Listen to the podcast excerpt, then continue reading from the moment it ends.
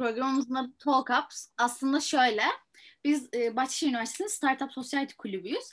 E, talk show, bir talk show programı aslında bu. Talk show'larla startupları birleştirdik.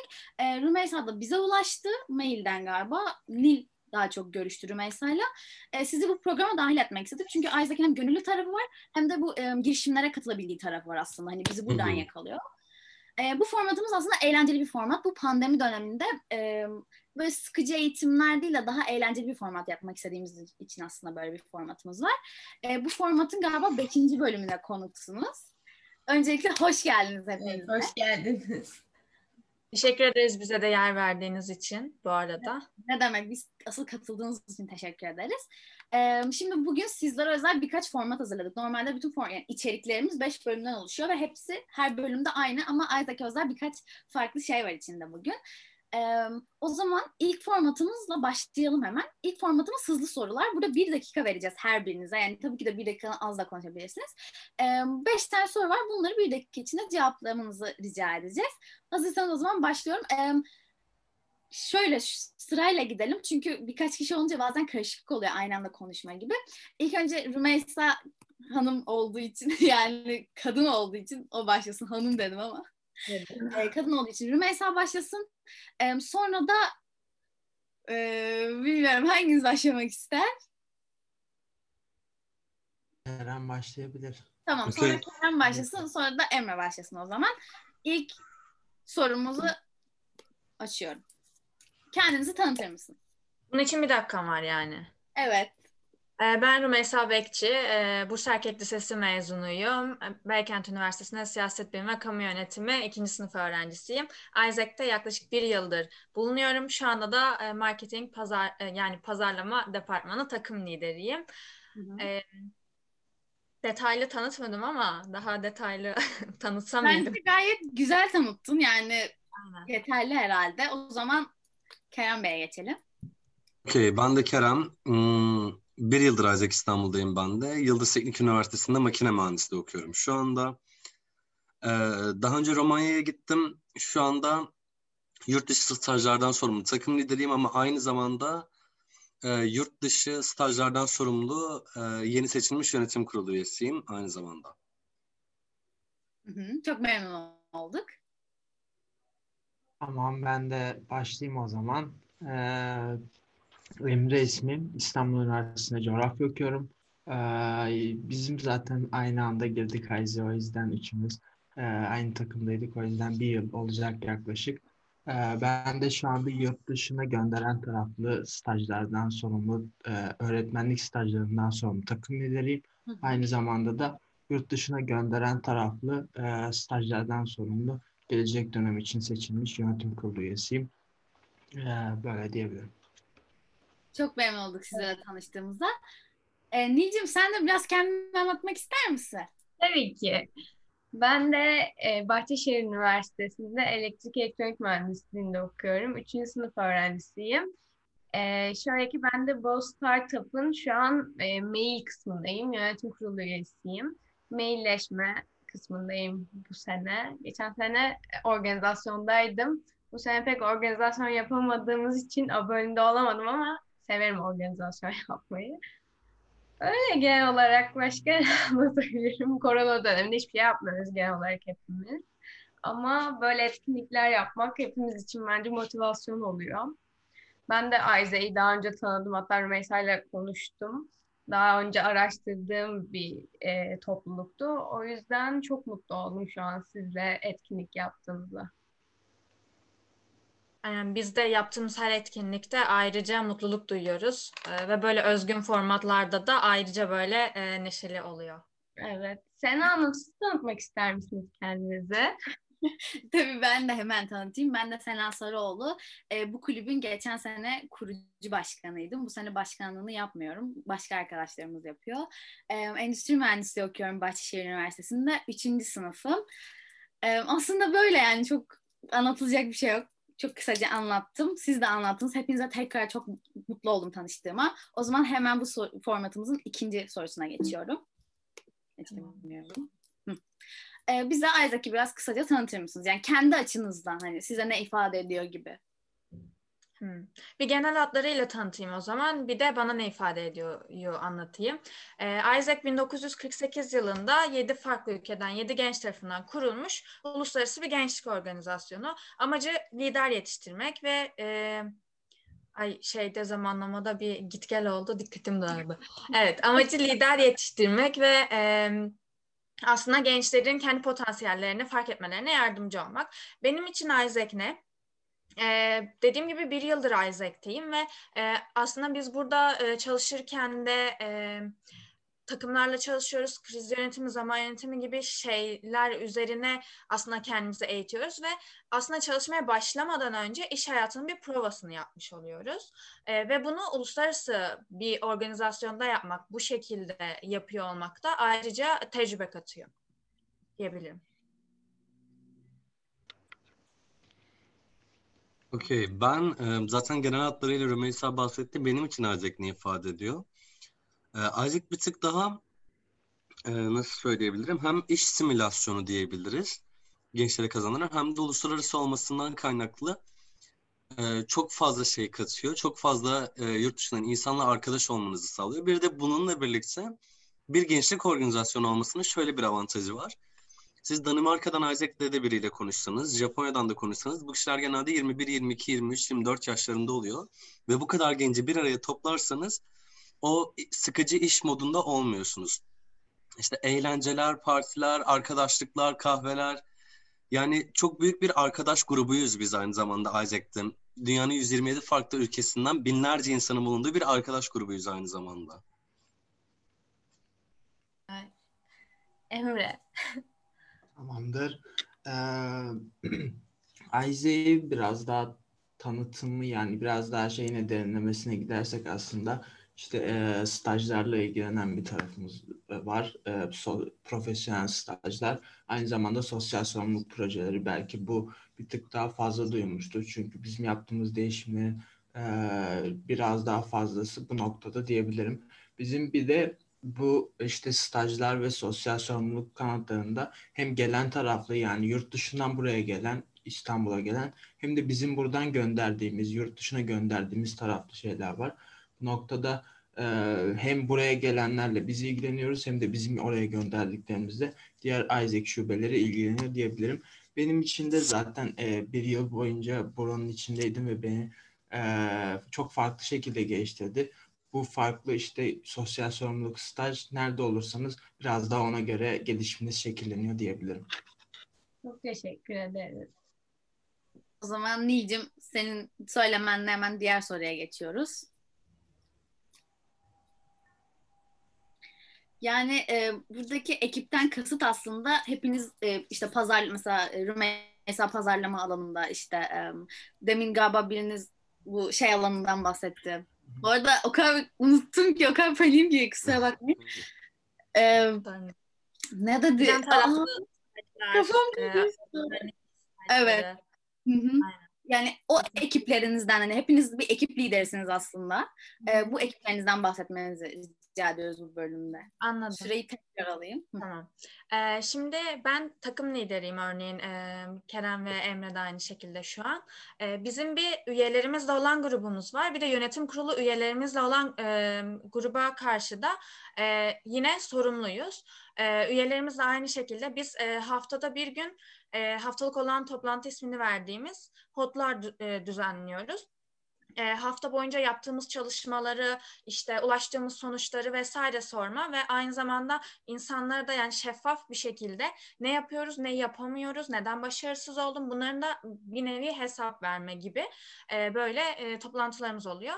E, aynı zamanda gruplarımızda da haftada birer gün e, örneğin yönetim kurulu üyemizle olan top, hı hı. toplantımız haftada bir gün, üyelerimle olan toplantım bir gün olmak üzere. E, bu şekilde de görüşmelerimiz oluyor. Ama sadece operasyonel şeyler olmuyor bu toplantılarda. Aynı zamanda eğlence için de zaman ayırıyoruz. Yani birbirimizi tanımak için işte hedefler, hayaller vesaire farklı farklı. Aslında şu dönemde dijital olmasına rağmen e, biz her hafta toplantılarımızı aksatmadan yapmaya devam ettik ve bence bu da çok güzel bir başarıydı. Böyle diyebilirim. Harika. Kerem. Ben şöyle bahsedeyim ekip olayından. E, aynı Rümeysa'nın söylediği gibi ben burada birazcık daha ekibin ne ifade ettiğinden bahsetmek istiyorum. Dedim ya bir tık daha arkadaş gibi oluyorsun diye. E, bir noktadan sonra ekip arkadaşlarınla aynı işi yapmak zorundasın ve e, kendi içinde farklı departmanlara ayrılıyor daha demin de söylediğimiz gibi. Bir gerçekten kurumsal olarak çalışan bir taraf. Bir daha çok sosyal sorumlulukla çalışan taraf. Bir pazarlama tarafı var. Ama hangi departmanda çalışıyor olursan ol günün sonunda görüşme aldığın kişiyle ilgili ya da ne bileyim pazarlama yaptığın görselle ilgili e, gene kendi içinde bir sohbet döndürüyorsun, bir arkadaşlık oluyor. Günün sonunda, toplantının sonunda ya abi bu da nasıl şeydi ya falan filan diye böyle bir ortak paydada buluşmaya başladıktan sonra, konuşacak ortak bir şey olmaya başladıktan sonra bir bakmışsın ki bu üç gün vardı ya hani haftalık olan toplantı, yönetim kurulunda üyelerinle toplantı. Bir bakmışsın dördüncü günde bunlarlasın, beşinci günde, altıncı günde, yedinci günde bunlarlasın. Nasıl oldu sen de anlamıyorsun ama bir yerden sonra ekibin gerçekten hayatının büyük bir çoğunluğunu kaplamaya başlıyor Isaac'ta. Hatta şunu ekleyeyim bizim aramızda dönen bir muhabbet de şey senin hayatın Isaac olmuş falan diye falan var bunun bizde bir yerden sonra. Böyle e, bir keresinde ay çok böldüm ama e, Emre'ye bırakayım sonra şey yaparız. Herkes ben- konuşsun ya. Tamamdır. Ben de o zaman biraz daha işte bu ekip ekibimiz var zaten bir tık da anlatıldı ama bu ekip nasıl kuruluyor? Ee, zaten Isaac işte dernek statüsünde o yüzden biz e, genelde gön- gönüllüyüz yani e, bu işlemleri yapmakta. İşte 3 ayda bir bizim e, üye çekimlerimiz başlıyor. Bununla ilgili işte marketing alanında işte reklamlar dönüyor. İşte üyeler üyeler geliyor takım liderlerine biraz daha üyeler geliyor diyebilirim. Daha o insanlara biraz daha işte işi nasıl yapacaklarını eee, gibi şeyler öğretiliyor. O, daha sonrasında işte bu insanlar takım liderine başvuru yapabiliyor. Eee, zaten bir sene sonra yani yönetim kurulunun görev süresi bir senedir. Bu noktada da yönetim kuruluna da yükselebilirler. Zaten eee, herhangi bir şey yok. Eee, bununla ilgili bir de şeyi eklemek isterim. Ee, bizim bir de işte bu ekibin önemli olan kısmı operasyon yapıyor olmamız lazım. Bu operasyon ne? Mesela ben şu an e, yurt dışına e, stajlar için öğretmen gö öğretmenlik stajları için gönderiyorum ve insanların aslında bir noktada e, hayatı değişiyor. Çünkü ben e, stajlar için insanları işte e, atıyorum Brezilya'ya gönderiyorum ve orada stajını yapıyor. E, o yüzden bir tık daha görev bilinci gibi şeyler de gelişiyor diyebilirim. Çünkü e, önemli şeyler olabiliyor. İnsanlar işte para harcıyorlar, e, bir şeyleri e, bekliyorlar, Be- be- belli beklentileri var. O yüzden e, bir tık daha operasyonda önemli oluyor diyebilirim. Çok teşekkür ederiz. Peki ben bir şey sormak istiyorum. E, ekip lideri olmak için e, en fazla ne kadar e, Isaac'te bulunmanız gerekiyor? Şöyle ben cevaplayayım. Ee, ilk girdiğinizde üye olarak bulunuyorsunuz ve e, yaklaşık 3 ay sonunda e, diğer dönem başlıyor ve e, bir sonraki dönemde dilerseniz takım liderliği için e, başvuruda bulunabilirsiniz. E, seçildiğiniz takdirde yani minimum 3 ay aslında. E, ama dilerseniz örneğin e, ben ilk dönemin sonunda başvurmamıştım takım liderliğine. İki dönem üyelik yaptım. Sonrasında başvurdum. O sizin aslında kendi vereceğiniz bir karar ama minimum 3 ay diyebiliriz. Tamam, çok teşekkür ederiz. Bu arada Nil e, hiç bahsetmiyorlar ama yani bu ekip yani bu arkadaki organizasyon yapan tarafa dahil olmak için bir mülakattan geçiyorsun ve o mülakat gerçekten çok zorlu bir mülakat. Böyle bir soru soruyorlar böyle kalıyorsun ve böyle bir ekiple katılıyorsun. Tek başına da değilsin. Mesela işte böyle bir beş kişi katılıyorsun. Ve sana içinden birinizi öldürmenizi istiyorlar. Ve yani bu çok zor bir şey çünkü gerçek hayatta işte böyle filmlerdeki gibi arkadaşını öldürmen gerekiyor senin bir şekilde devam edebilmen için. Tabii bunun sonrasında bazı şeyler oluyor. Buradan söyleyip sürprizini bozmak istemiyorum. Ama yani gerçekten zorlu bir süreç. Sizler sizleri de tebrik ediyorum. O süreçleri atlatmışsınız, ekip lideri olmuşsunuz ve bunları sürdürüyorsunuz. Gerçekten kolay gelsin. Zor bir iş. O zaman hemen diğer soruma geçiyorum. Bu arada bu bir dakika muhabbete ağlıyor şu an ama hadi neyse. Olsun yani elimizden geldiği kadar ya şu, bu şu yüzden var yoksa çok uzuyor bir süre sonra hani gerçekten ucunu alamıyoruz. O yüzden var aslında hani çok önemli değil ama çok şey de yapmazsak iyi olur. Aynen. Tamamdır. Isaac'in sizde ne gibi avantajlar var? Bunlardan biraz bahsettik aslında geçen sorularda ama yine böyle gerçekten spesifik olarak bir şeyler söyleyebilirseniz size gerçekten ne katıyor işte hem oraya gitme açısından hem burada gelip liderlik yapma açısından e, izleyecek arkadaşlarımıza da faydası olur. Aynen. Ee, buradaki aslında Isaac üyesi veya işte takım lideri vesaire olarak çalışmanın avantajlarından biraz bahsettik. Ee, iş hayatına ön hazırlık oluyor. Ee, farklı okullardan yani network ağımız genişlemiş oluyor. Hem yurt içinde hem yurt dışında. Ee, bunun dışında takımlarla çalışıyoruz. Takım çalışmasını, zaman yönetimi, kriz yönetimi gibi şeyleri e, aslında pekiştirmiş, geliştirmiş oluyoruz kendimizde. Ee, projelere gittiğimizde ne gibi avantajları oluyor?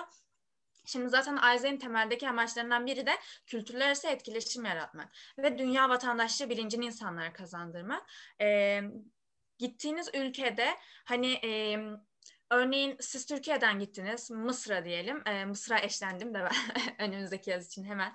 E, mesela ben Türkiye'den gittim. Başka bir ülkeden e, pek çok ülkeden insan geliyor orada ve e, aslında mesela aynı odayı üç farklı ülkeden üç farklı insan farklı insan paylaşmış oluyor.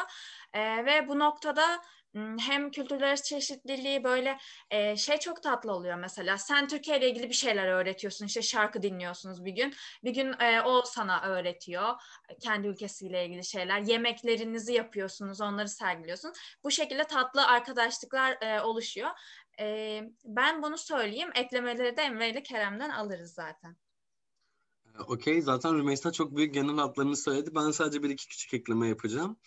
Ee, burada takım lideri ya da takım üyesi ya da yönetim kurulu olarak çalışmanın şö- şöyle bir avantajı var. Aynı zamanda yurt dışına bir projeye gitmenin de avantajı oluyor tabii bu. Ee, Bir deneyim, gerçekten benzersiz bir deneyim elde etmiş oluyorsun. Burada kazandığın iş tecrübesi. Sen ACEK'ten çıktıktan sonra bu baskı, stres ve büyük iş yoğunluğunu eğer gerçekten e, üstünden kalkabiliyorsan iş dünyasına girdiğin zaman başkası beş iş yapıp bir iş ortaya koyuyorsa sen bir iş yapıp ortaya koyuyorsun ve bu yaptığın bir iş o kişinin beş emek vererek yaptığından daha kaliteli oluyor. Çalışmanın böyle bir avantajı var Isaac için de. Network noktasında şöyle bir şey söyleyeyim. Daha geçen gün başımızdan geçen bir olay. Şu an süreçte olduğum bir firma Çin'le çalışmak istiyor. Ama Çin Isaac'e hiçbir şekilde ulaşamadık bir noktada. Ee, ben Romanya'ya gitmiştim Isaac'le. Romanya'da Çin'den gelmiş bir arkadaşım vardı Deng diye.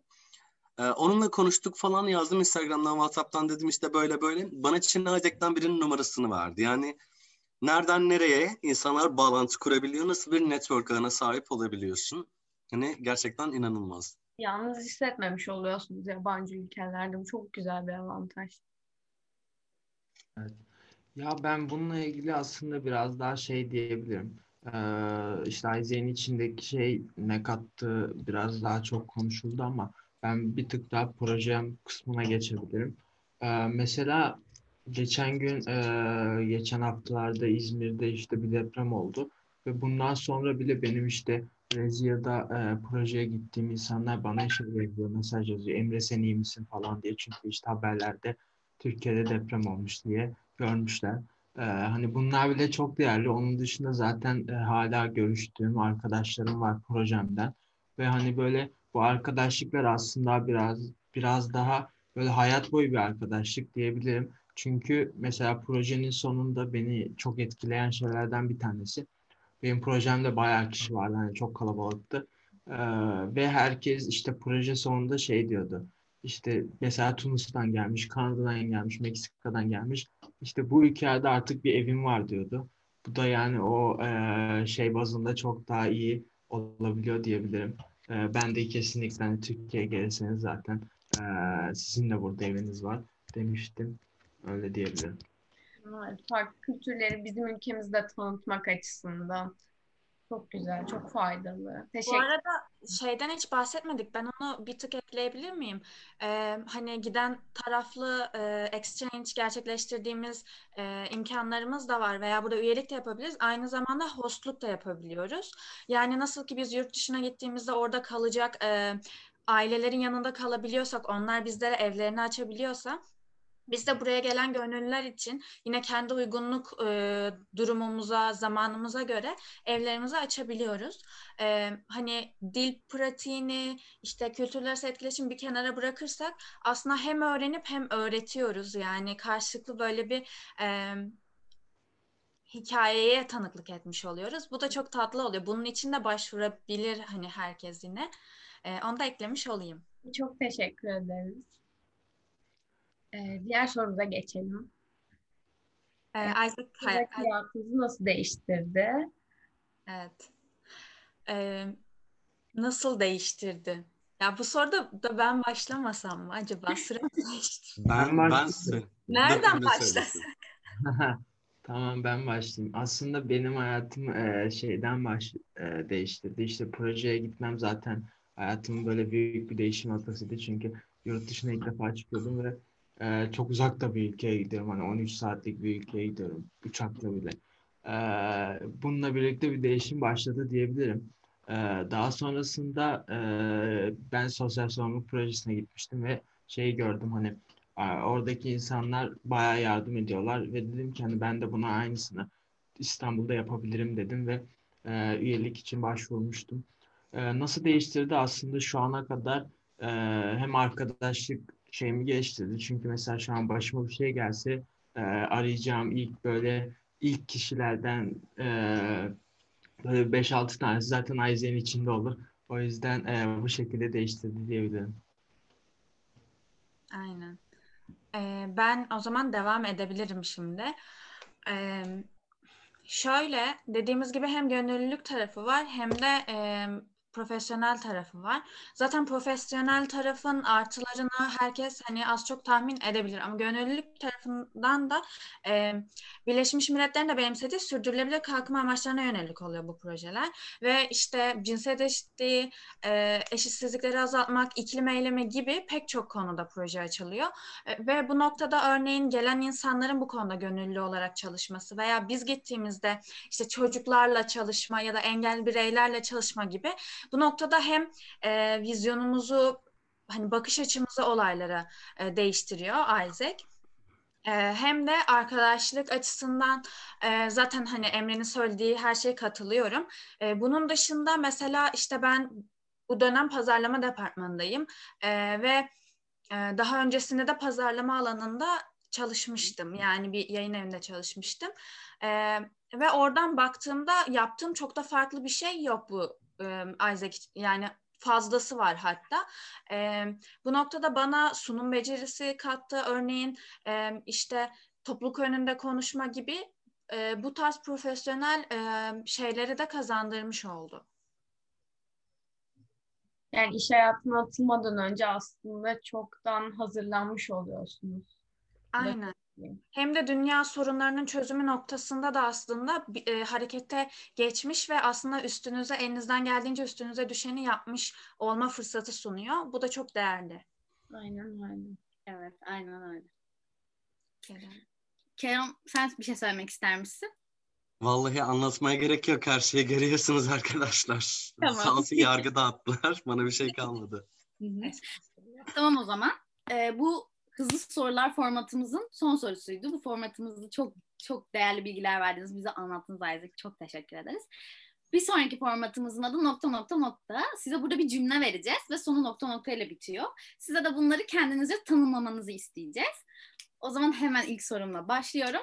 Keşke nokta nokta yapmasaydım. Yani gittiğiniz ülkede olabilir ya da gitmediyseniz burada Isaac'le ilgili olabilir. Hmm. Keşke üç ülkeyi gezmeyi yapmasaydım diyorum ben. Neden? Ee, hani dönerken parasızlıktan böyle hani kuru ekmek falan kemiriyordum üç ülke gezince. Keşke iki ülke gezseydim. Güzel bir keşke. Ben şey diyebilirim keşke eee, paramı böyle aynı banka hesabına koymasaydım. Çaldılar mı? Hayır ama o banka hesabında problem olunca kullanamadığım bazı zamanlar oldu. Ah çok kötü. Bu arada ben henüz projeye gitmediğim için bu konuda aslında çok şeyde bulunamayacağım paylaşımda. Niye Isaac'le ilgili bir pişmanlığın yok mu? Mesela keşke daha önce katılsaydım gibi. Aynen tamam evet. Ee, onları da katıyorsak işin içine. Ee, gerçekten de keşke daha önce e, katılsaydım e, Isaac'e diyebilirim. Ne kopya çektim ama. yo, yo, güzel bir cevap. Ee, iyi ki nokta nokta yapmış. Hmm. Hmm. Çok klasik ilk harcaya girmişim yapmayacağım. Daha yaratıcı bir şey olsun istiyorum. Hı hı. Ben şey söylemek istiyorum ya aklına gelmediyse Kerem ben hani Hı. başlayayım. Ee, ilk mülakatta örneğin e, başladığım üye olarak başladığım takımla ki Emre ve Kerem'le de aynı takımdaydık zaten üye olarak. Ee, böyle şey şimdi onlar yönetim kuruluna falan e, işte seçildiler böyle elimizde büyüdüler gibi böyle bir şey moduna bürünüyorum. Ee, iyi ki e, mülakatımda o şekilde davranmışım ve o takıma seçilmişim. Güzel. Güzel bir cevap. Ee, Gelmiyor mu aklınıza hiçbir ben şey şey ya? diyorum, iyi, iyi ki Brezilya'ya gitmişim. Hakikaten. Evet. Bu da güzel bir cevap. Hmm, Kenan senin cevabını bekliyoruz. evet. Ya ben de şey derim herhalde. İyi ki otostop çekmişim. Çünkü ben Romanya'ya otostopla gittim ve gerçekten zordu. Ama iyi ki bunu yapmışım diyorum. Çünkü hani üç ülke gezerken böyle döndüm ya. Hı hı. Otostop çekmeseydim onu bile yapamazdım. Ki otostop çekmişim de üç ülkeyi geçebildim. Çok iyi. Veya- Türkiye'den Romanya'ya mı otostopla gitti? Aynen. Diğer üç ülkeyi de otostopla gezdim. Ben. Evet. Harika. Ne diyelim ki artık helal olsun yani. İnanılmaz. Ama burada erkek olmanın da avantajlarını Evet. yakaladığını düşünüyorum. Hı hı. Tamam hemen diğer soruma geçiyorum. En zorlandığım şey. Rümeysa burada senin için hani sen biraz ekiple ilgili bahsedebilirsin. Siz de yurt dışında yaşadığınız zorluklardan bahsedebilirsiniz. Yemek. O konuya da geleceğiz. En zorlandığım şey yemekti yani gerçekten. Çünkü. Romanya'daydık ve e, şimdi şöyle ben Gaziantep'liyim aslen ve dünyanın gastronomi şehri bizim şehrimiz ve gerçekten yemek yani yemektir bizim için. Ama Romanya'da hiç beklediğimi bulamadım özellikle yemek noktasında ve hani böyle yöresel şeyler deneme noktasında bayağı zorlamıştı beni yemek muhabbeti. Ya, Evet, beni en çok zorlayacak şey o olurdu herhalde. Bu arada şey söylemek istiyorum. Kerem'i anlayabiliyorum. Çünkü ben de e, lisedeyken Romanya'ya e, gitmiştik. E, orada bir dans festivali vardı. E, orada konaklamıştık. Ve yemek konusunda gerçekten de birazcık zorlanılabilecek. Ben şey düşünmüştüm. Bize öyle denk geldi falandır diye düşünmüştüm ama demek ki öyle değilmiş. Ben de yemek derim ya. Brezilya'da. İnanılmaz. İlk olmak. E, Emre Brigaderio deyip duruyordun. Evet ama o tatlı işte. Ya böyle ekmeğe benzer bir şey arıyorsun sürekli o yüzden. Ee, o yüzden yemek diyebilirim ya. Yüzde. Peki. Tüketmiyorlar mı? Ay, pardon. Efendim? Ekmek az mı tüketiyorlar? Hı hı. Yani ekmek yerine başka şeyler yiyorlar. Bizim ekmek olarak yediğimiz şey onlar e, kuru fasulye pilav gibi böyle bir şeyleri var. Her yemeğin yanında onu yiyorlar. Evet. Güzel cevaplar. Gerçekten Türk yemekleri bir efsane. Bu konuyla ilgili birkaç sorumuz daha var ilerleyen şeylerde. Kendimizi buna saklayalım diyorum. Ve hemen Hı. diğer sorumuza geçiyorum. Yaşadığım en büyük kültür şok. Ben söylemek istiyorum bunu. Kültür şok sayılır mı bilmiyorum ama e, şöyle bir olay fark edeceksiniz eğer Avrupa'ya giderseniz. Yaya geçidine ayağınızın ucu dahi değiyorsa trafik kilitleniyor ve sizin geçmenizi bekliyor. Ve bu benim gittiğim zaman ilk bir haftaki çok sevdiğim bir eğlenceydi. Böyle kaldırımın kenarına geçip yaya geçidine böyle ayağımın ucunu sokup böyle bana çok sövüyorlardı büyük ihtimalle ama herkes durup beni bekliyordu geçmemi. Türkiye'de maalesef böyle bir şey yok ama gerçekten arabanın durup beni beklediğini gördüm yani. Hı hı. Şoktu benim için. Gerçekten e, ben de yurt dışına gitme deneyiminde bulundum. İngiltere'ye gittim. E, inanılmaz bir saygı var yayaya, bisiklete yani arabalar inanılmaz dikkatli. Gerçekten çok haklısın. Yani biraz efsane gibi duruyor bu Cem Yılmaz vesaire yüzünden. Herkes şakasını yapıyor işte gerçekten bu konunun ama gerçekten öyle. E, Emre Evet, sen ben şey diyebilirim. Ee, ben bir kere şey şeyle karşılaştım ya. Ee, yolun ortasına dans eden birisi vardı. Bayağı böyle trafik akıyor yanından işte kornaya basıyor. Ama bayağı dans ediyor hani. Onun videosunu falan da çektim hatta Instagram'a falan koymuştum. Ee, bayağı dans ediyor falan. Orada dedim hani Brezilya'dayız tamam dedim. Hani, Ama sen de Tamam, yerine gitmişsin yani bu yargılanacak bir şey değil ki oranın festivalleri. Yani bunlar normal şeyler bence orası için. Ee, yani bir tık daha yolun ortasında yapınca biraz çok normal olmuyor ama Peki diğer insanlar yargılıyor muydu onun böyle dans etmesini? Yani böyle bakıyorlar mıydı ona? bakan vardı böyle çok şey yapmayan da vardı tabii ki. Peki. Ben- Ben de şey olabileceğini düşünüyorum. Şimdi önümüzdeki yaz benim de projem Mısır'da. Ee, yani Mısır'a giden arkadaşlarımdan vesaire duyduğum kadarıyla tabii konuşuyorum. Böyle Egypt Time diye bir şeyden bahsettiler ve hani e, geç kalmanın normal olduğu, zamanında gitmemenin bazen hani biraz daha böyle e, Kuzey Afrika sıcak iklim insanları rahattır ya. E, o konuda zorlanabilirim belki. Evet. Ben de duymuştum onu. Evet var. Yani ben ben ben host olarak aldım Mısırlı e, Rümeysa demin bahsetmişti. E, onlarda da gerçekten tam böyle şu saatte söylüyor sonra gelmiyor falan. Yaşadım kesinlikle. Değil, sen Mısırlı olabilir misin? Hayır. Çok çok benzer özelliklerin var. Allah Allah. Öğrenmez o zaman Mısır'a gitsin. Yani Bu arada şey Nil Nehir diye. E, o yüzden, o yüzden Mısır. Kötü espri, kötü espri. ama Hmm.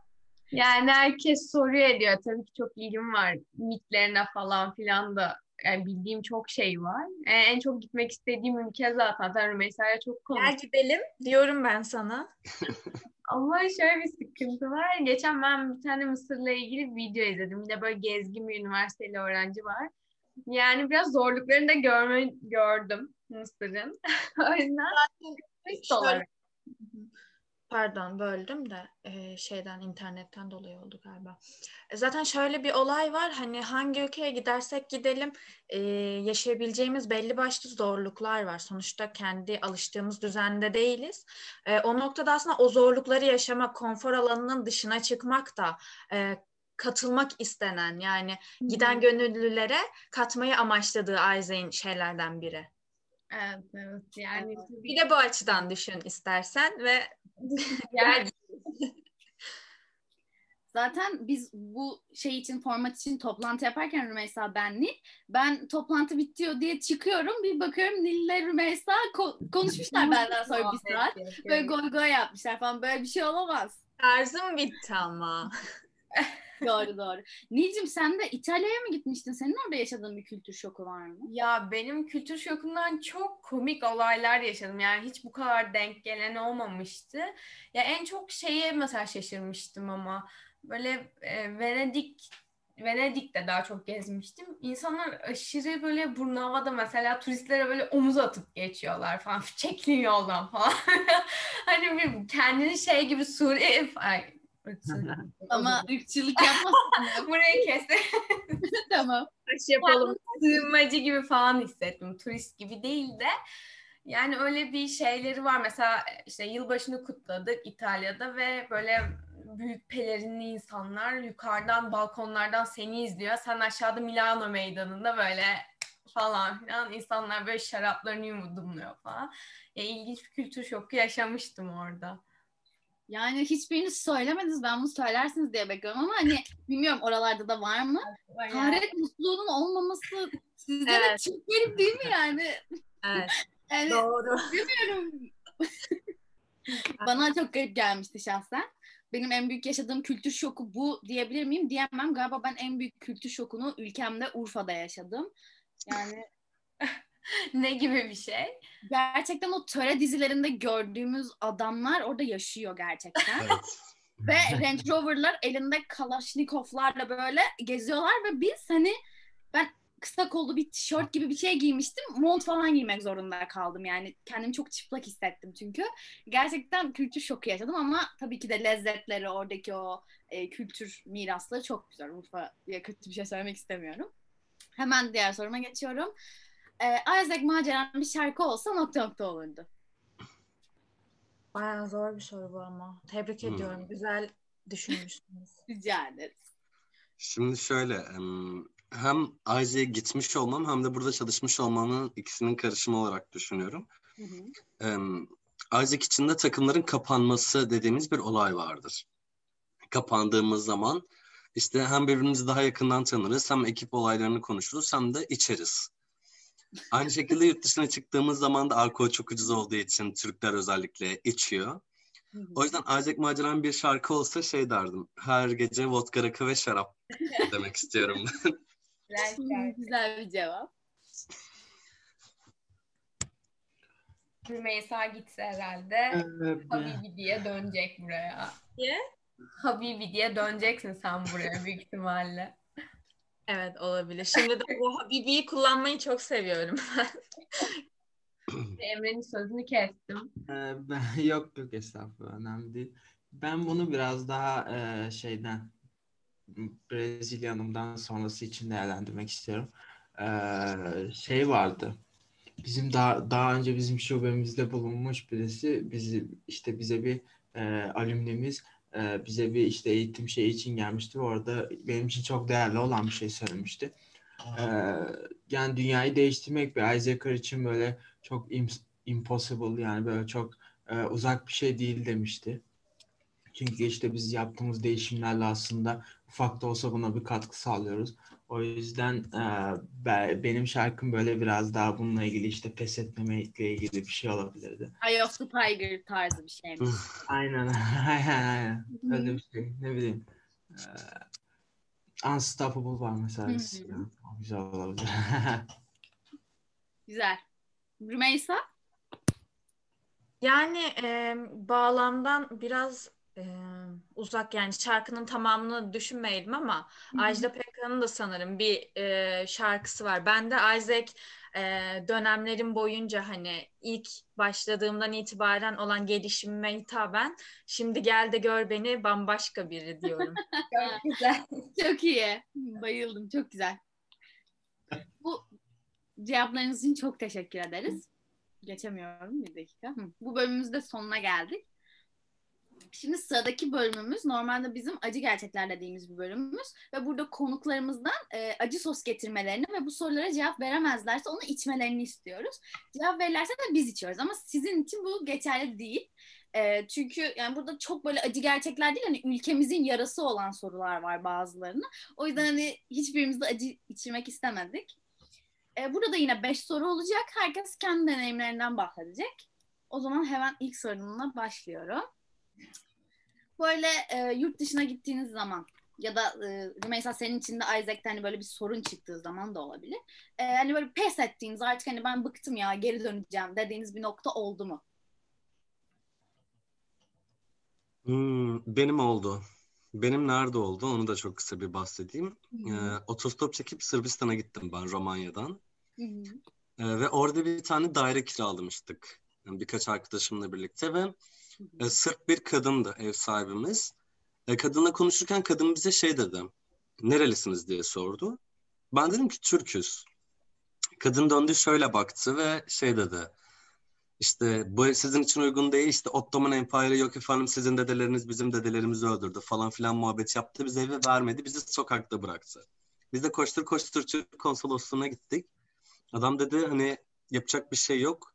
Ne yaparsın ne yaparsın gittik parkta yattık biz o gece. Türk konsolosluğunun karşısındaki. Orada bir şey dedim artık yani dön, dönmek istiyorum. Parkta yatmak istemiyorum moduna girmiştim. Bir de aksi gibi o gecenin sabahın ilk ışıklarına doğru çimleri sulamak için çeşmeyi açtılar bir de o fıskiyeyi. Böyle tişörtümü şöyle sıktığımı biliyorum yani. Orada bir dedim geri dönsem mi diye ama şu an diyorum ki iyi ki yaşamışım yani bunu da. Hı hı. Çok zorlu bir Güzel deneyim. bir deneyim olmuş senin için. Evet mükemmel bir deneyimdi.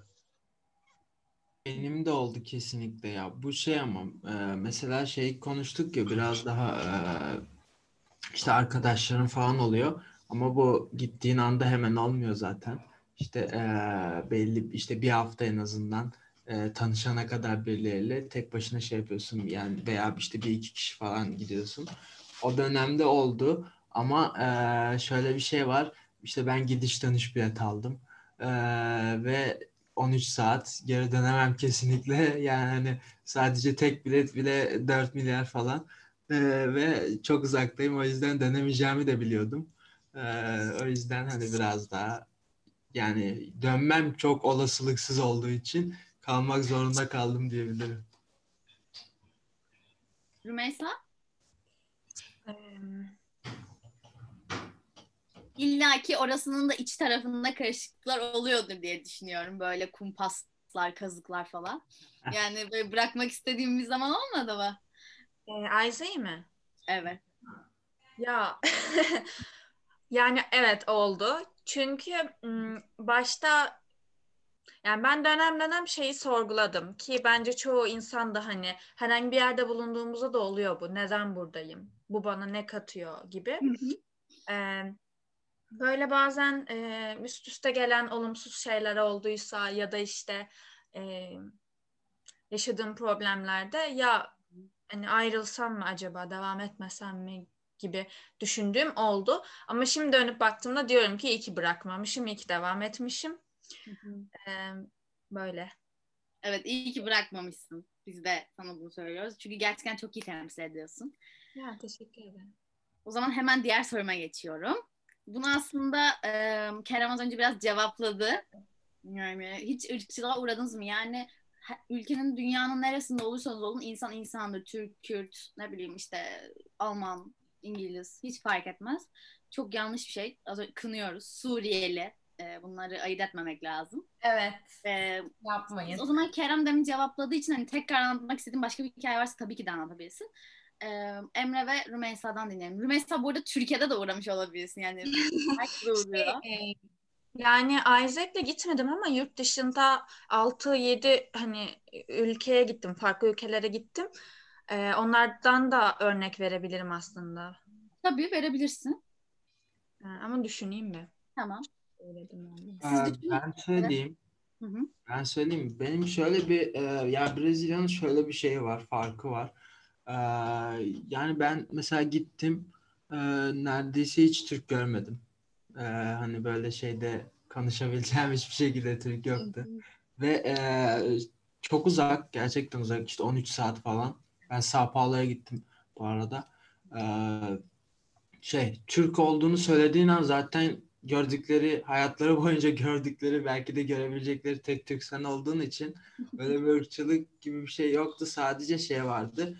Ee, böyle hani ilk görecekleri için e, biraz daha o sorumluluğu hissediyorsun. İşte Türkleri yanlış tanımasınlar gibi e, biraz daha farklı şey yapıyorsun. Ama dediğim gibi zaten çok gördükleri, hiç gördükleri bir şey, e, şey değil. İşte Türk ol, yani Türk görmemişler daha önce genel olarak. O yüzden böyle bir şey yaşamadım diyebilirim. Şeyde de yaşamadım hani.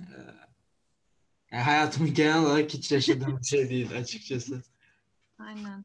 Ben de öyle aman aman bir şey yaşamadım aslında. Ee, ama sanırım yani ya Yunanistan'da bir şey yaşamıştım. Tam ırkçılık diyemeyiz belki ya da neyse anlatayım beraber karar verelim. Ee, biz m, en son dönüş güzergahında e, 30 Ağustos'ta Selanik'teydik. Atatürk'ün doğduğu evi hani müzeye çevrilen evi ziyaret ettik. Otelin lobisine de ya oraya gideceğimiz için böyle giderken de e, belediyenin ve okulun hazırladığı böyle e, ay yıldızlı işte beyaz kırmızı tişörtlerimizi giydik ve lobiye indik Ama kahvaltı için. siz de inat gibi şey yapmışsınız yani. Hani nasıl atam sizi denize döktü dermişsiniz gibi girmişsiniz adamla. Evet maalesef biraz Evet. öyle olmuş. Hani şu an e, fark ediyorum. aslında. Orada da genelde böyle e, o saatlerde herhalde e, orta yaş üstü insanlar vardı. Ama lobide bizi nasıl kınar bakıyorlar yani yemek yerken falan da ya da şeyde hani e, restoranda. Sonrasında işte giderken de caddede yürüyoruz. Böyle işte ben arkadaşım yan yana hani yürüdüğümüzü hayal edin. Ve karşıdan biri geldi böyle sinirli bir şekilde söylenerek bence küfür ediyordu. Ee, böyle omuz attı ve aramızdan geçip gitti falan. Orada bir anladık yani. E, hoş olmamış biz yani. yani tabii adamın yaptığı da hoş değil ama yani an- anlayabiliyorum yani. Evet biraz yani. Ne diyelim. uğramamıza sevindim ama yani genel olarak. Aynen. Kerem hariç. Senin ben uğradım ya. Ben de uğramıştım. İtalya'da işte yılbaşı kutlanırken falan bir tane çocuk yaklaştı yanıma. İşte merhaba tanışabilir miyiz? falan filan. İşte konuşuyoruz falan. Sonra nerelisin? dedi. Türk'üm dedim. Böyle gözleri açıldı Sonra çal deyip kaçtı.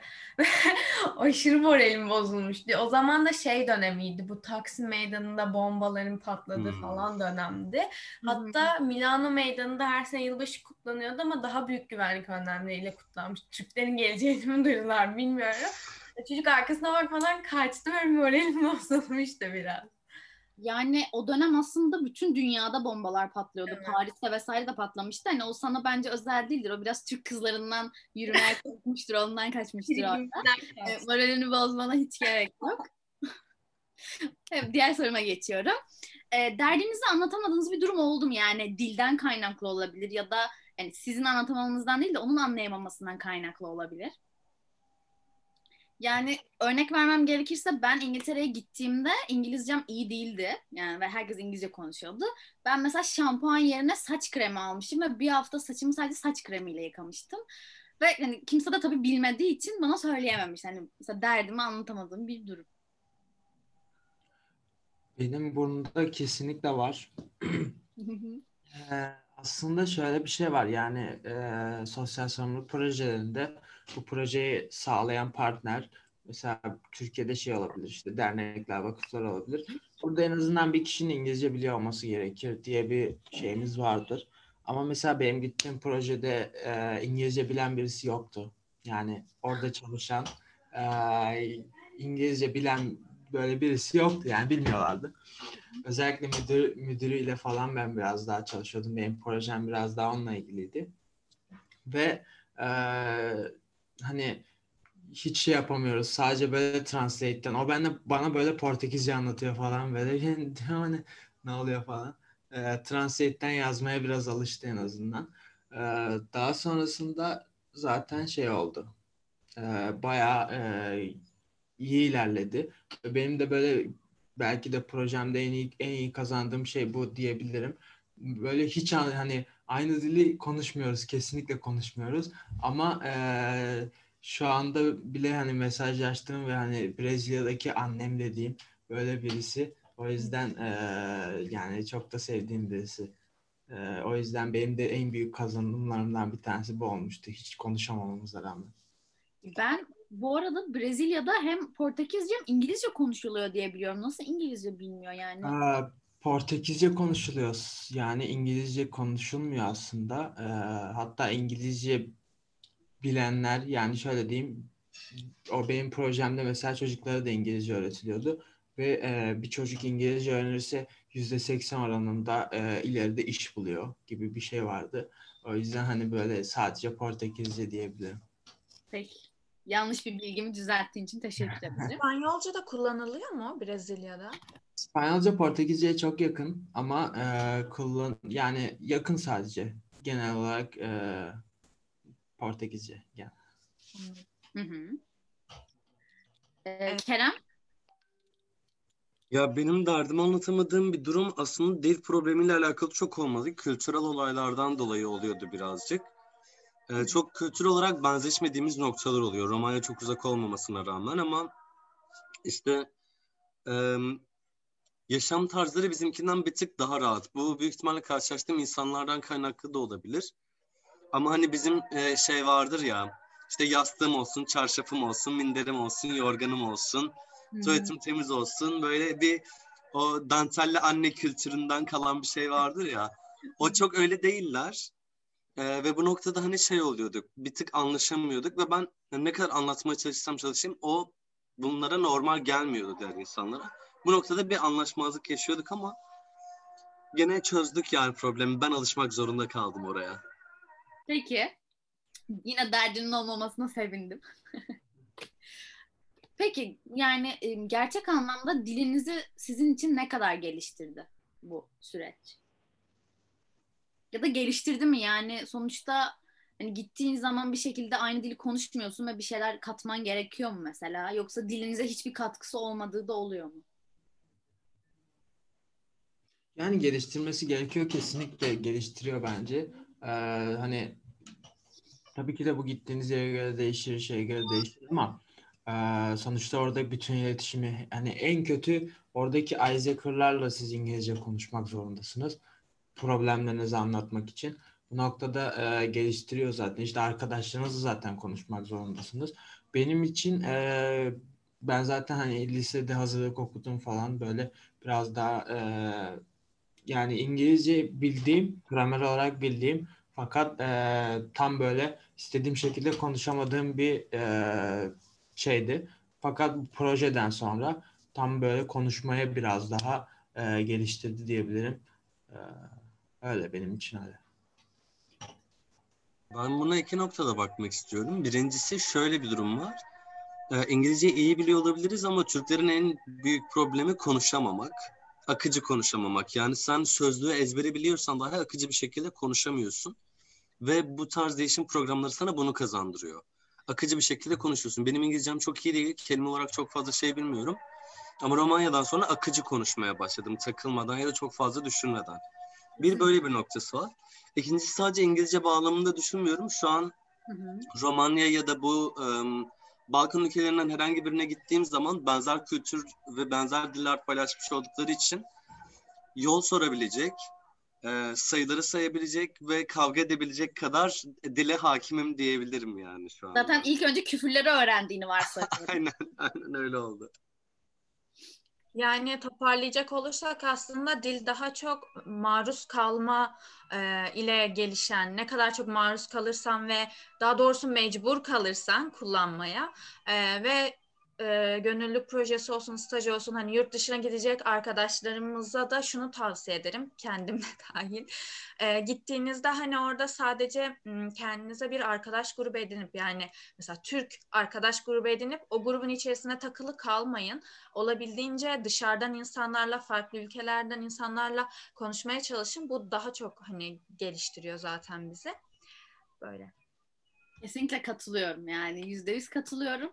Ama yani bu söylediklerimiz hiç kolay şeyler değil. Yani oraya gidip hani dilini hiç bilmediğin hatta yani bilsen bile konuşacak özgüvenin olmadığı bir yere gidip dili öğrenmeye çalışmak gerçekten çok zor bir iş. Ama bir kere başlarsan, bir kere adım atarsan kesinlikle gerisi çok kolay bir şekilde geliyor.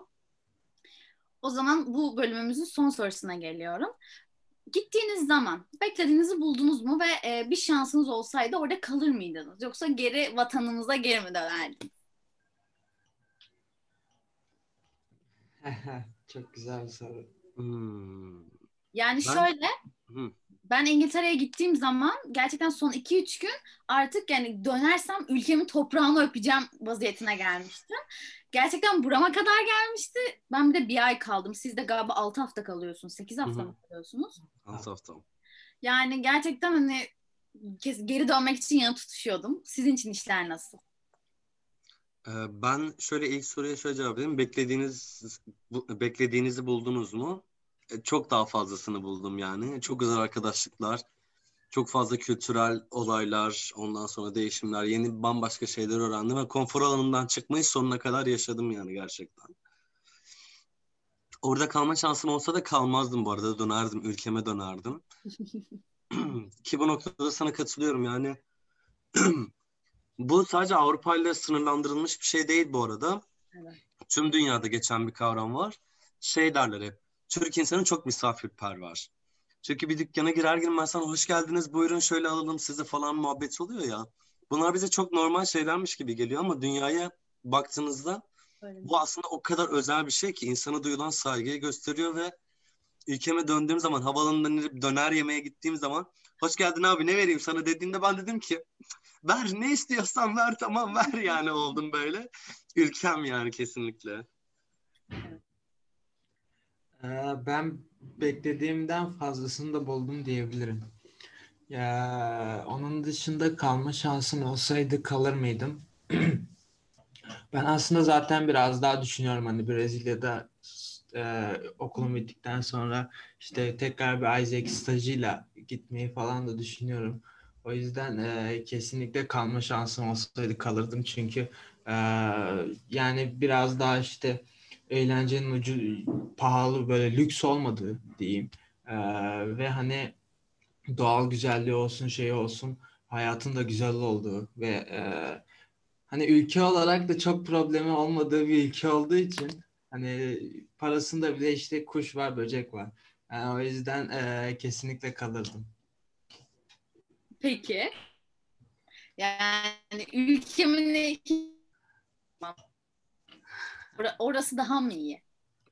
Ee, şöyle söyleyeyim, e, biraz daha farklı. Yani e, şeyler açısından, özgürlükler açısından biraz daha farklı ve e, doğal güzellik açısından da e, çok çok daha farklı. O yüzden hani biraz daha şey var, e, hani Orta Doğu'nun biraz şeyi var fakat orada böyle bir şey yok. Tamamen farklı bir farklı konular problem.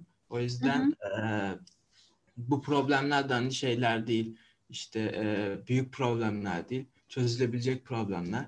O yüzden e, kesinlikle kalırdım. Peki sana Brezilya özelinde bir şey sormak istiyorum. Orası ekvatorun altında ya hani işte yazları kış kışları yaz falan. Sen yazın gittin değil mi? Yani buranın yazıyla. Evet ben yaz dönemindeyim. Orada kıştı. Peki nasıl hissettin mesela Haziran'a kış ya da sonbahar mı diyorlar? E, Evet ya Nasıl şöyle aslında böyle bir şey ayrım çok yok. Çünkü ekvatora aynı zamanda yakın. Biraz daha coğrafya dersine de şöyle demesine. Ee, şey kış dediğimiz aslında sadece mesela 2-3 gün yağmur yağdı bu onların kışı. Diğer günler işte güneşti zaten. Ee, hani öyle bir kış. Bizim gibi zaten kar yağan hiçbir yeri yok Brezilya'nın. O yüzden ee, böyle şey bir kışı da yoktu. Hayır şey garip ben, benim açısından. Mesela biz kışın burada kar yağar işte ağacımızı kırarız bilmem ne. Onlar mesela denize giriyor işte bu yeni yılı kutlamak için falan. Bu ilginç gelmişti ama galiba onlar da full yaz herhalde. Yani Direkt kış yok. Okey anladım teşekkür ederim. Bu formatımız da bitti. Şimdi çok küçük bir bölümümüz var. Burası sizin için özel oluşturuldu. Ve şimdi dünya haritası gelecek. Burada beş tane yer seçtik. Ee, bunları bakalım bilebilecek misiniz diye soracağız. Ee, Kerem'e Brezilya'yı soracağız. Emre'ye de bir, bir yerde Romanya'yı soracağız. Bakalım birbirinizin gittiği ülkeleri bulabilecek misiniz? Bir de ayrıca üç tane daha yer soracağız. Bunlar çok zor yerler değil. Yani biliyorsunuzdur diye düşünüyoruz. Bilemezseniz de keseriz yani. Çok şey yapmayın. o zaman Ben hemen başlayalım. keserseniz süper olur. Evet, Emre bilemezse sıkıntı çünkü. Tamam. Ee, ilk önce Mısır'ı soruyorum. Mısır. Ee, Rümeysa da oraya gideceği için. Görebiliyor musunuz bu arada? Evet, nasıl göstereceğim Neydi? şimdi ben bunu? Ya mesela atıyorum renklerini söyleyebilirsin ve üst alt hani bu şekilde Yeşil, tarif şu yeşil kısım, pembelerin altındaki yeşil kısım Akdeniz'de. burada. Tamam. Sağ Hı hı. Tam şu an tuttuğun yer. Evet. Hemfikir miyiz burada? Yes. O zaman tıklamak isterim. Sizin için animasyon hazırladım bu slayta. Tüm şeyim uçtu. Ee, o zaman ikinci sorumda e, Brezilya soruyorum. Kerem'e. O da sarı orta şurası. Burası mı? Büyükler. Burası mı? Yok hayır üstü. Burası. Evet. Bakalım. Evet. Bravo. inanılmaz. Peki şimdi bakıyorum hemen. O zaman şimdi de Romanya'yı soruyorum Emre'ye. Tamam bir bakayım. Ee, Bulgaristan, Ukrayna onun sol tarafı. Pembe mi sarı mı? Pembe, Hı hı. Pembe ee, Bulgaristan'ın üstü müydü? Sırbistan. Tamam or- orası Bulgaristan. Onun üstü, Burası evet. onun üstü Romanya. Burası mı diyorsun? Evet. Değil mi? Bilmiyorum. Evet. Doğru. Tebrik ederiz. Hmm, o zaman şu anda da Hindistan'ı soruyorum. Bunu hepinize soruyorum. Rümeysa sen de cevaplayabilirsin. Bu arada Açık mavi şu kırmızının altı hemen. Evet. İnanılmaz. Tebrik ederim. Son olarak da biraz karıştırılan bir yeri sorduk. Bunu bilemeyin diye. İsveç'i soruyorum. Evet. Of bu İsveç İsviçre muhabbeti var ya hep beni öldürüyor zaten. Yok Evet. ben abi bilmiyorum bunu. Emre'ye paslayalım bence bunu. Norüst e, Norveç. Burası, Kanada. Finlandiya. Hayır hayır. Avrupa. Avrupa'da Norveç, İsveç, Finlandiya biliyorum ortadaki. Olabilir. Tebrik ederim. Doğru. Evet, aramızda bir coğrafya okuyan olması biraz işleri karıştırdı. Tebrik ediyorum. Hepiniz Doğru bildiniz. Hı hı. Daha devam edebiliriz bu arada. Benim de bilgim bu kadar. Yani Google'dan araştırdığım bütün bilgi burada sana harcadım az önce. Ya benim de bildiğim söylenemez yani. Bir fen okuyan bir insan olarak. Ama tebrik ediyorum sizi her yeri doğru bildiniz. Ee, bu bölümümüz bu kadardı. Küçük, eğlenceli, tatlı bir bölüm olsun istedik. Burası da son bölümümüz artık. Burada da e, hepimizin gittiği ülkeleri kıyaslayacağız aslında. İlk kıyaslama sorumuz gelsin. Kültür yani e, Türkiye'yi kıyasla mesela nasıl bir kültürleri var? Bizden farklılıkları neler gibi. Isır mı dediniz az önce? Pardon, e, annem geldi de. Ben kaçırdım orayı. Yani kendi ülkenle gittiğin ülkeyi kıyaslamanı kültür açısından. Hmm. Kültür, kültür. Ha şey ben başlayayım o zaman. Hı hı. Ee, burada hani kültür deyince biraz daha her şey girebiliyor işte yemek kültürü, şey kültürü. Onlara geleceğiz. Yemek Evet, kültürü yapmadım. değil. Ee, genel olarak kültür ne diyebilirim? Ee, yani şey var. Yaşam olarak farklı bir şey var. Kültürü var diyebilirim.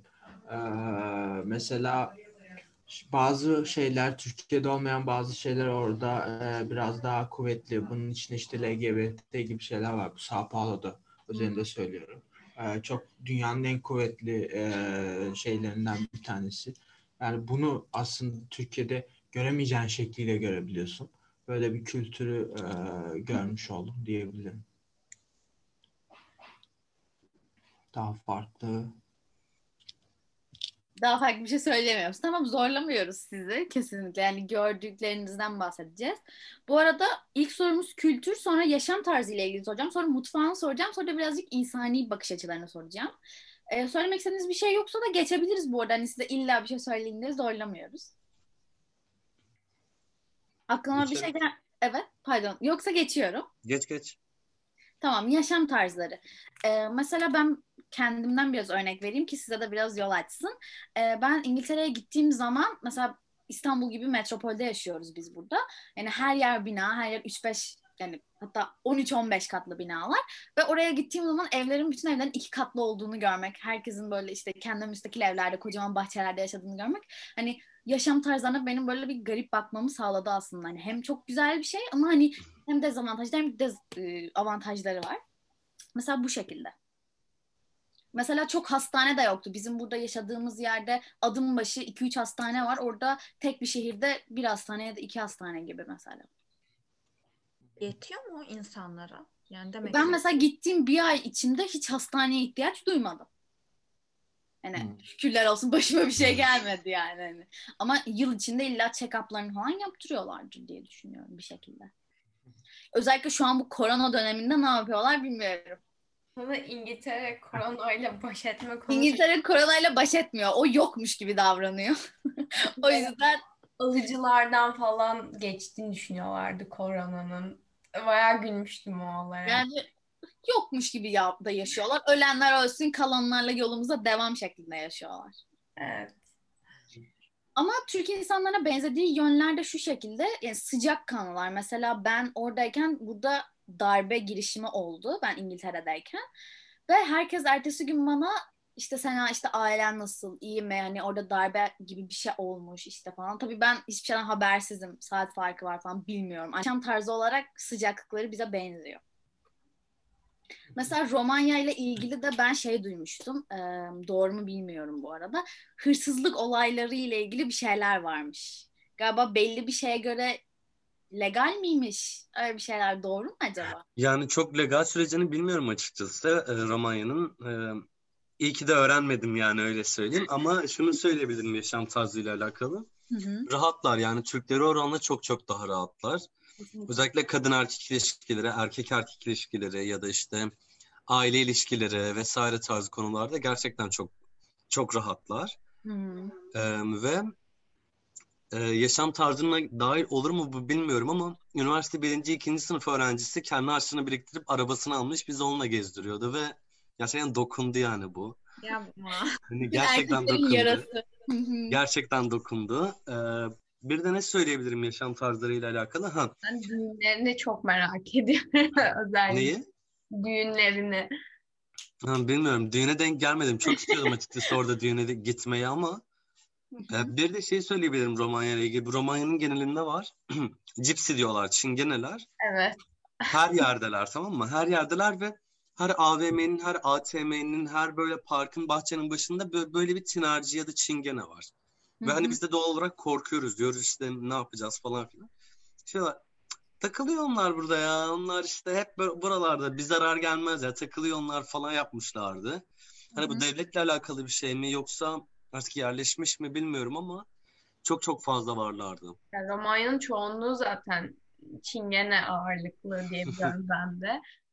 Ama Yani Tekirdağ'a hiç gittiniz mi bilmiyorum ama oralar da öyle aslında. Yani o kültürü yaşayan insanlar orada çok var ve oralardan göçmüşler aslında. Evet olabilir. Giyim tarzları, konuşma tarzları falan benziyor mu acaba? yani renkliler ya. Çok hoş aslında. Söyleyeyim mi? Gerçekten bu e, bazı zamanlarda Romanya'da Cennet Mahallesi'nden kareler gördüğümü söyleyebilirim size gerçekten. Bir de erken yaş, İnanılmaz benziyor. aynen erken yaşta evlenip hani mesela şeye çok şaşırmıştım. Babaları kızları için parti düzenleyip işte şey yapıyorlar.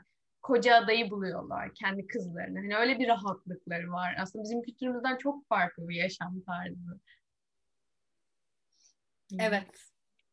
Peki Emre sen bir şeyler söylemek ister misin? Özellikle Brezilya yani çok renkli dans şovları bir şeyler hani kesinlikle bir şeyler anlatırsın diye Kesinlikle. Karnavalı falan. Bu noktada bir şeyler anlatayım kesinlikle.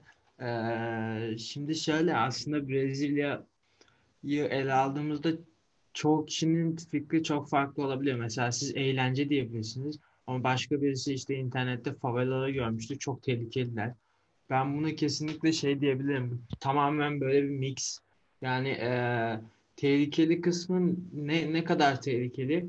İşte telefonunuzla sokakta böyle oynayarak yürüyemezsiniz. Çünkü işte telefon orada pahalıdır. Çalabilirler. Özellikle iPhone. Eee, kesinlikle hani al- alıp gidenleri gördüm. Ama eee, yani bu, bu tarz ufak şeylere dikkat etmeniz gerekiyor. İşte cüzdan arka şeyde olmasın, bir çanta olsun yanınızda gibi. Eee, bu tarz şeylere dikkat etmek gerekiyor. Ama onun dışında mesela eee, işte gece kulübü eğlencesi eee, ve hafta sonu mesela her yerde eğlence oluyor. İşte dediğim gibi belli bir lüksü yok bunun hani böyle çok en kötü şeyde bile mahallede bile en azından böyle bir barı işte şey gibi eee, bir eğlence yeri kesinlikle var. Hı hı. Eee, onun dışında yaşam tarzı olarak eee, yani aile şeylerin onlar da çok önemli ve gerçekten sıcak insanlar ve şey de var eee, birbirlerine belli şeylerde anlayışlılar. Yani aslında bu ırkçılığın olm- yani çok fazla olmaması durumunda eee, biraz daha bununla ilgili olabilir. Çünkü onlar biraz da işte Avrupa'dan biraz daha gelmiş insanlar var. Onun dışında yerli şeyleri var ve bunlar çok karışmış. O yüzden biraz eee, şeyler hoşgörüler diyebilirim. Bir de şey var. eee, yani ben Türkiye'de hiç görmediğim kadar bunu nasıl şey yapabilirim? Evsiz insan çok var. Eee, ama şöyle mesela Brezilya, Sao Paulo işte çok büyük bir, bir şehir ve eee gökdelenleriyle bile böyle ünlü bir şehir. Çok fazla gökdelen var falan. Hı. Ama işte o gökdelenlerin olduğu yerde bile çok fazla evsiz insan var. İşte 22 milyon nüfusu var sadece bir şehrin. Ama evsiz insan nüfusu da çok ve hani gerçekten çok. Uçurum çok fazla. İşte zengin ve e, şey arasında, fakir arasında uçurumun çok fazla olduğu bir ülke. Öyle diyebilirim yaşam tarzı olarak. Genel olarak ama e, turistseniz de e, turisti böyle çok gördükleri bir şey değil. O yüzden böyle şey e, değerli diyebilirim. Hı hı. Turist seviyorlar yani bayağı. El üstünde tutuyorlar yani. Evet evet. Turisti çok seviyorlar yani.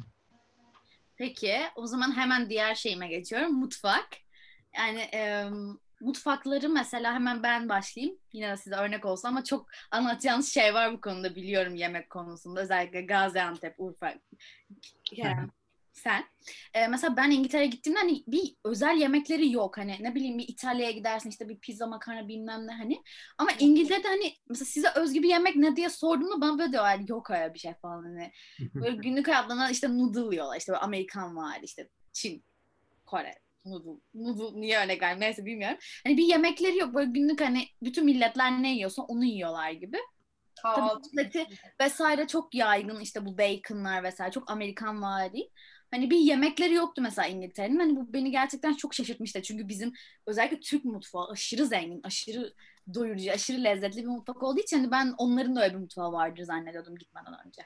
Siz de oranın yemekleri, oranın işte mutfağıyla biraz Türkiye'yi kıyaslayabilirsiniz. Ben çok ufak söyleyeyim. Bu genel gene Avrupa ile alakalı olacak sanırım.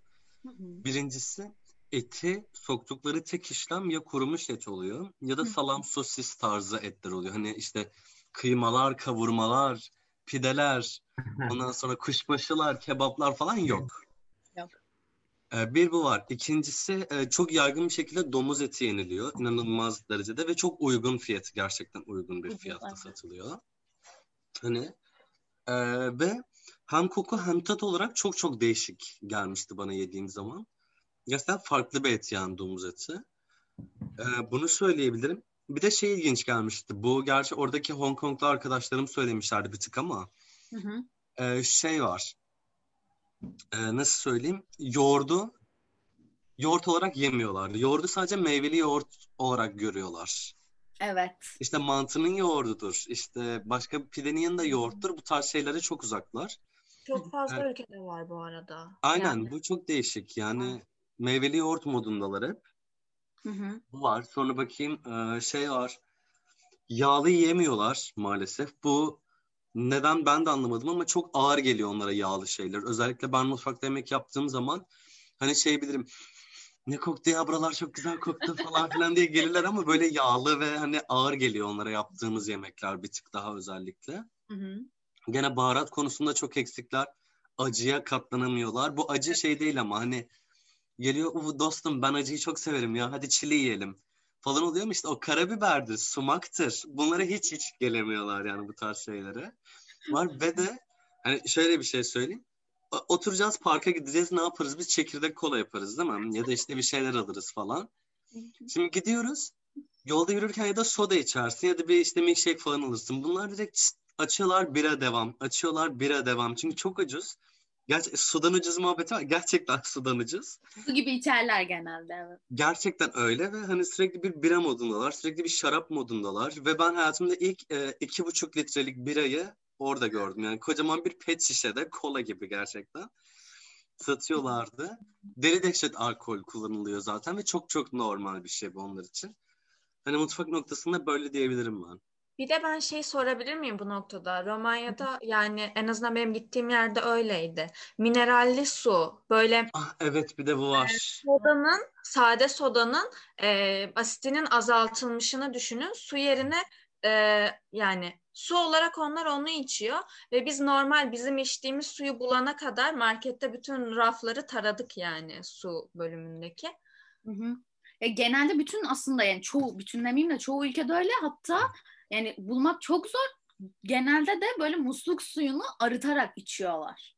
Yani çok içmeseler de böyle onların özel sürahileri var. Hani bizim satın aldığımızı duyunca hani siz aptal mısınız demeye getirdiler yani bana hani ona para mı verilir yani falan al musluk iç tarzı. Yani evet biraz garip o taraf. Ama onunla susuzluklarını nasıl bastırabilirler? Yani sonuçta öyle alışmışlar yani. Sen de su diye bir şey görmeseydin, kolayı sana su deselerdi öyle alışacaktın bir şekilde diye düşünüyorum. Bu arada soda daha şey sağlıklı suyun yani. O yüzden bence daha iyi. Ee, şey, Brezilya'da da şey var. Mutfak olarak çok çok çok farklı şeyler var. İşte Brigadeiro diye bir tatlı böyle çok tatlı şey güzel şeyleri var. Onun dışında genel olarak şey var. Hmm, kuru fasulye pilav tarzı bir şeyleri var. İşte böyle bildiğin fasulye. Ee, biraz daha kahverengi bir fasulye. Ve işte pilav ama şey değil. Bizim gibi bir pilav değil. Tabii ki de işte yağlı, tuzlu değil. Ee, ne yersen ye bunu ya, yanına getiriyorlar. Yani bu ekmek gibi bir şey. Yani et söylüyorsun mesela yanında bu geliyor. İşte fasulye pilav geliyor. Tamamen o ekmek şeyini karşılıyor. Hı hı. Ee, onu söyleyebilirim. Onun dışında işte zaten şey giren bunun içine bilmiyorum işte caipirinha dedikleri böyle zaten e, dünyaca ünlü olan bir şeyleri var. Ee, içkileri var. Caipirinha işte şeyden yapılıyor. Vodka ya da yapılıyor bu arada. Onu da öğrendim. Ee, onun dışında ne vardı? Ha, bununla ilgili ben aslında ufak bir şey söylemek istiyorum. Hı hı. Ee, yani bir anım vardı bununla ilgili. Ben işte orada arkadaşlarımla şey yapıyorum falan. Meksikalı arkadaşlarım şey dedi işte taco yemeye götüreceğiz. Tacocu olduk. Bunu biraz hızlandırarak anlatacağım. Yani işte taco yemeye gittik Meksikalılara. Ben de şey aradım. İşte Türk yemekleri yapan bir yer var mı acaba? Onu aradım. Ve işte buldum. Ee, bayağı Türkiye'den oraya gitmişler işte e, belli saatlerde yemek yapıyorlar şey yapıyorlar falan Ee, ve işte belli bir gün belirledik ve ben de işte arkadaşlarımı Türk yemeği yemeye götürecektim. Ee, işte daha sonrasında şey oldu. O gün tam gideceğimiz gün benim işte o kartım e, şey oldu. Ee, bozuldu yani şey para çekmemeye başladı falan. İşte benim param yok ne arkadaşlarımdan biraz almıştım falan gibi. Ee, böyle bir durum yaşadık ve biz işte gittik yemeğe. İşte ben e, zaten aslında e, daha önce ben tanışmıştım işte şeyden konuşuyorduk WhatsApp'tan konuşuyorduk falan sahipleriyle. Ee, daha sonrasında şey oldu işte yedik falan. Bana şey dedi arkadaşlarım Emre senin işte kartın bozuk e, nasıl ödeyeceksin falan. Ee, ben de şey dedim hani zaten Türkler sana tanıştık da şey yaptık sonra öderim herhalde bir şey demezler falan dedim. Hı hı. Ee, ama şey falan hiç konuşmamıştım işte o sahipleriyle orayı işleten yerle hiç konuşmamıştım. Daha sonrasında ödeme yerine geldik ve şey oldu. İşte ben biliyorum kart çalışmıyor ama deniyorum böyle belki şey olur falan diye. Öyle deniyorum yani. En sonunda olmayınca şey dedi. Emre sen sonra ödersin demişlerdi ve böyle arkadaşlarım şey olmuştu. Ee, şok olmuştu. Nasıl şey ol- olabiliyor, nasıl tahmin ettim falan diye. Dedim hani olabilir böyle şeyler falan demiştim. Hani Türkler. Ha, Türklerde. Çok çok iyi bir hikaye. Yani gerçekten adamı tebrik etmek lazım. Sonra gidip ödedin umarım. Evet evet. Sonra bir daha yiyip daha fazla dedim zaten. Peki arkadaşlarım beğendiler mi yemeği bu arada? Neler Ya yedin? bayağı bayağı beğendiler çünkü mesela Meksika mutfağı taco yedik sadece ama bizde işte dolmalar şeyler falan yapmışlardı. Hatta Hı hı. şey bir daha gelirseniz e, şey çiğ köfte yaparım falan demişti zaten sadece size. Sen cennete düşmüşsün. Yani e, orada elindeki malzemeyle iyi yapıyorlar diyebilirim. Ya ben de İngiltere'de bir dönerciye gitmiştim. Ee, Türk yani İskender yapıyordu. Herkes ısrar etti. Hani gittik ve hayatımda gerçekten yediğim en iğrenç İskender'i yedim. Yani gerçekten çok kötü tadı. Yani oradaki abiye bir şey demek istemiyorum tabii ki. de. Yani o da elinden gelen şey yapıyor ama yani ve gittiğimiz arkadaşlarım o kadar beğenmişlerdi ki hani işte sonra Türk yemekleri mükemmel falan. Hani ben dedim ki içimden hani bunu beğeniyorlarsa gerçekten Türkiye'ye gelseler herhalde bayılırlar dedim yani. Çünkü gerçekten kötü bir etti yani benim yediklerime göre burada. Yani gerçekten mutfağımızın zengin olmasının avantajlarını yaşıyoruz. Bu arada bu e, son kıyaslamamız ve son sorumuz.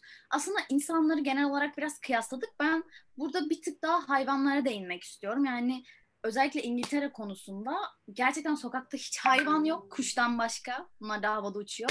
Yani herkesin evinde kedi köpek 2-3 tane. Herkes besliyor. Herkes inanılmaz şey. Sokak hayvanı olmaması gerçekten inanılmaz geldi bana. Çünkü burada her yer sokak hayvanı, kedi, köpek ne ararsanız var. Oralarda nasıl budur? Hmm. Ben bununla ilgili küçük hem bir anımı anlatayım hem de bir kıyaslama yapmış olmak istiyorum. Gerçekten Romanya'da da e, çok fazla böyle sokak hayvanı falan yoktu. Ancak bizim Türkiye'deki gibi kediler falan var. Köpek kesinlikle yok. Hı hı. E, sahipli yani sahibi var köpeklerinde. Hı hı. Onun haricinde kuştur, börtü, böcektir falan şeklinde bir tek kediler vardı. E, bununla ilgili şöyle bir anı anlatmak istiyorum. Biz böyle meydanda bir gece kulübünün önünde yemek yedik. Hı hı. Ondan sonra bir tane köpek var böyle. Ondan sonra köpekle oynadık mı oynadık falan. Köpeğin tasması boynunda ama bir yere bağlı değil. Neyse köpekle oynarsın edersin falan. Sen köpek bizim peşimize takıl. Bizim kaldığımız yurda kadar gel. Yurdun önünde havlıyor. Tek kaldı. Kapının önünde havlıyor. Neyse dedik biz de bari havlamasın dedik. İçeri aldık sevdik mevdik neyse. Kapıyı açıyoruz git diyoruz gitmiyor geri geliyor. Neyse. Ertesi sabah işte proje, projemiz olan okula gittik. Çıktık böyle Hı. şehri dolaşıyoruz. Ee, bu arada çok fazla suç işlenen bir yer değildi benim gittiğim ya. Suç oranının çok düşük olduğu bir yer. Böyle çalmalardır, şunlardır, bunlardır. Yani polis geldi bize böyle bir fotoğraf gösterdi. Dedi ki bu köpeği biliyor musunuz? Gördünüz mü? Gibisinden. Allah'ım köpek bizim yurdun bahçesinde duruyor. Hani biz de bir tedirgin olduk, korktuk. Yok görmedik, bilmiyoruz falan filan yaptık. Böyle sonra gittik köpeği zorla zorla böyle meydana götürmüştük de buldular mı ne yaptılar sonra geri bilmiyorum ama öyle bir gerilim yaşamıştık yani. Peki neden bilmiyoruz dediniz? Gösterseydiniz daha kolay çözülmez miydi? Ee, anladığım kadarıyla bir tık gerildik biz. Ee, onun haricinde polis de bir tık şey sordu. Hani nerede biliyor musunuz bu? Ha. Falan gibisinden sordu. Bu sefer biz de yok dedik bilmiyoruz Allah'ın işi görmedik falan oldu böyle. Peki, güzel bir hikaye. Ee, Öyleydi. senin var mı böyle hayvanlarla ilgili orada söylemek istediğin? Orada böyle maymun vesaire var mı böyle? Çünkü izlediğimiz animasyonlarda falan hep böyle şeyler oluyor. Yani eee, şey şeyde çok yok. Şehir yani ben Sao Paulo'ya gittim işte.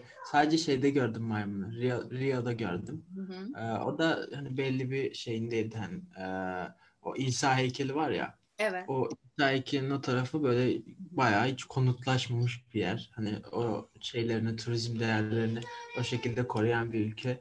O yüzden eee, maymunu orada gördüm. Hani ufak bir şeydi. Eee, ama onun dışında şehirde olduğum için çok bir şey görmedim. Hani sokak hayvanı olarak da çok görmedim. Ama eee, şey hayvan sahiplenmek gibi şeylerim var yani. Eee, gittiğim her evde neredeyse vardı. İşte köpek, kedi eee, hepsi vardı. Onun dışında artı bir şey görmedim diyebilirim. Hı hı. Yani şöyle bizim ülkemizde de böyle inanılmaz hayvanlarla ilgili değişik olaylar oluyor. Hani tecavüzden tacize hani artık insanları geçti bu olay. Ee, Maalesef. çok gerçekten inanılmaz tatsız. Ama hani mesela şöyle bir şey de duymuştum. Çin ya da Japonya olması gerekiyor bilmiyorum. Böyle e, köpekleri orada yediklerine dair ve Çin'de. ve hani Köpek festivalleri oluyor Çin'de. çok kötü yani. Bilemiyorum. Yani yine bizim ülkemiz tabii onlara göre bir tık daha iyi düzeyde kalıyor ama kesinlikle daha fazla bu konuyla ilgili gelişmesi gerektiğini düşünüyorum. Formatımızı da bitirdiğimize göre çıktım. Çok teşekkür ederim katıldığınız için. İnanılmaz keyifli oldu. Sizin son olarak Isaac'la ya da bu deneyimle ilgili bir şey söylemek istediğiniz bir şey var mı? Ee, biz teşekkür ederiz. Bizi e, bize katılma fırsatı da sunduğunuz için E, memnun olduk katıldığımıza da arkadaşlar. Ee, Ben şey ekleyebilirim işte eee, yani gerçekten Isaac bir noktada şey deneyimleri sağlıyor bu insanlara. Eee, o yüzden bence özellikle şey noktasını iyi değerlendirmeleri gerekiyor. Ana amaç burada işte insanları belli değişimlere sokarak onların farklı liderlik özelliklerini geliştirmek. O yüzden eee, bu noktada da bence eee, kendilerine katabilecekleri çok şey var. Öz, işte eee, mezunlarsa veya 3. 4. sınıflarsa stajlar noktasında olabilir. Eee, biraz daha eee, işte birinci, ikinci sınıf gibi şeylerde de sosyal sorumluluk noktasında çok çok fazla şey katabilirler kendilerine. Tabii ki de sosyal sorumluluklar şeyde 3-4'te de gidebilirler. Ama e, iş anlamında biraz daha düşüneceklerini tahmin ederek e, bunu söyleyebilirim, diyebilirim. Çok teşekkür ederim bu program için sizlere de. Ee, bu arada şeyi ekleyeyim, sonrasında sözü Kerim'e bırakayım ben de. Ee, gönüllülük veya stajlar noktasında aslında kriter 18 yani Einstein genel kriter aslında bir gençlik organizasyonu olduğu için 18-30 yaş arasında olmak. Yani 18-30 yaş arasında olan herkes başvurabilir. Ee, bu başvuruları da isaac.org.tr adresinden gerçekleştiriyoruz. Hemen şuraya link bırakalım falan. Onu bırakabiliyor muyuz bilmiyorum. Yani bir denersiniz olmadı işte açıklama kısmına Evet. e, koyarsınız. E, bu şekilde yani bu deneyimi herkesin yaşaması taraftarıyım. Gerçekten güzel deneyimler. Hem burada e, şubede çalışmak veya Isaac Türkiye'de çalışmak, e, uluslararası bir şekilde veya projeye gitmek e, kıymetli deneyimler. Tavsiye ederiz değil mi arkadaşlar? Eder misiniz? Kesinlikle öyle. Ee, Ben de çok küçük bir ekleme yapacağım. Ee, Çok uzun tutmayacağım. İki şey söyleyeceğim. Bir tanesi Isaac dışı, bir tanesi Isaac'le bağlantılı. Maalesef bizim Türk insanımızda bir yurt dışı tabusu var. Yurt dışına çıkmış kişiye böyle çok affedersiniz ağzımızın suyu akarak dinliyoruz ya da bakıyoruz falan. Arkadaşlar yurt dışına çıkmak çok basit bir şey. Özellikle bizim yaş aralığımızdaki gençler o yurt dışına mı çıktın neler oldu falan. Yani gerçekten çıkması çok basit. İşte pasaport işlemleriydi, şunuydu, bunuydu. Maksimum bir aylık ufacık bir çabayla çok kolay bir şekilde yurt dışına çıkabilirsiniz. Bu Isaac olmayabilir bu arada. Hani çok fazla şey var. Özellikle İstanbul'daysanız, özellikle Bahçeşehir Üniversitesi'ndeyseniz çok fazla fırsat var. Evet. Ve bunları gerçekten değerlendirebilirsiniz. İkincisi Isaac noktasında şunu söyleyeceğim. Isaac'le birileri yurt dışına çıkmış ya da Isaac içinde çalışıyormuş, iş deneyimi kazanıyormuş. Şu an bunu izleyen kişilerde de bir kulaktan dolma bilgi olacak. Ya da siz Isaac denildiğinde ya evet ya Isaac diye bir şey duymuştum diyeceksiniz ama gene kulaktan dolma olacak. Hep Isaac Isaac diye duyuyoruz. Çok fazla bilgi kirliliği var. Benim size tavsiyem bir gün gelin ofisimize birazcık bizimle çalışın. Bakın bu Isaac neymiş siz kendi gözünüzle görün. Bakın biz ne yapıyoruz kendi gözünüzle görün karar verin. Bunları söyleyebilirim ben de. Ben de tekrardan çok teşekkür ederim bizi davet ettiğiniz için. Çok güzel bir alandı gerçekten. Sağ olun. Teşekkür ederiz. Umarız faydalı olmuştur verdiğimiz bilgilerde. Umarız Evet. olmuştur. O zaman şimdilik size görüşürüz diyorum. Görüşürüz. Tanıştığınızda memnun olduk. Hoşçakalın.